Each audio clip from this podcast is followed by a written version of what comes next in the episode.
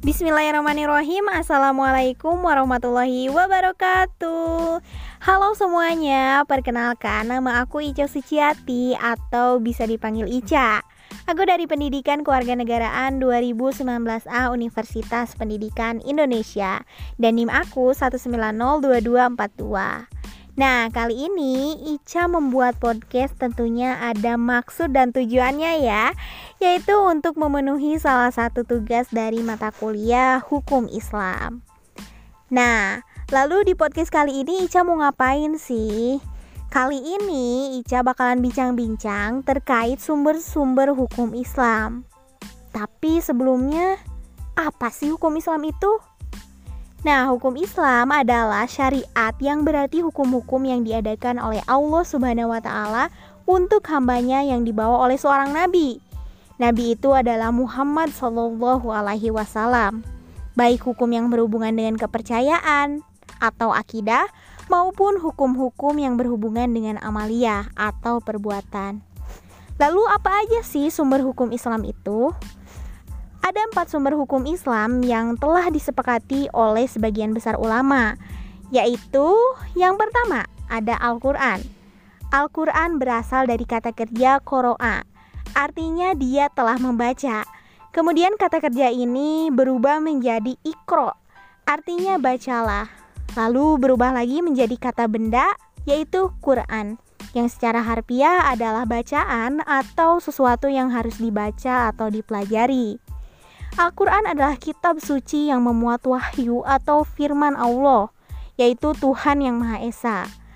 Al-Quran merupakan sumber hukum Islam pertama dan yang paling utama. Yang kedua itu ada As-Sunnah atau hadis.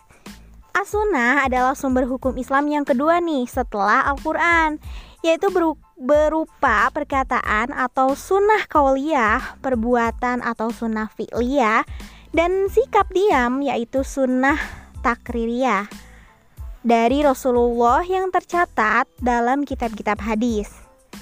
Hadis sendiri itu terbagi kepada tiga kategori, yaitu hadis sahih, hadis hasan, dan hadis doib.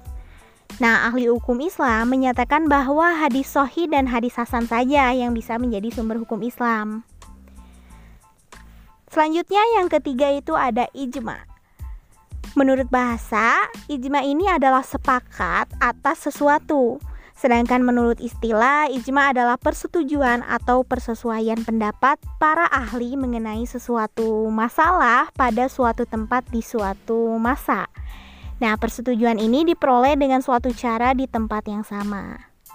Dan yang terakhir itu ada kias. Kias secara etimologi bermakna menyamakan sesuatu Kias adalah perluasan ketentuan hukum yang disebutkan di dalam teks Al-Quran dan sunnah sehingga mencangkup kasus serupa yang tidak disebutkan dalam teks kedua-dua sumber pokok itu berdasarkan persamaan sifat kausalegis antara kedua kasus yang dimaksud.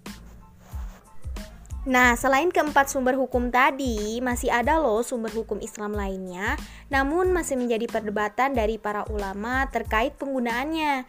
Dan sebagian besar itu tidak menyepakati sumber hukum tersebut.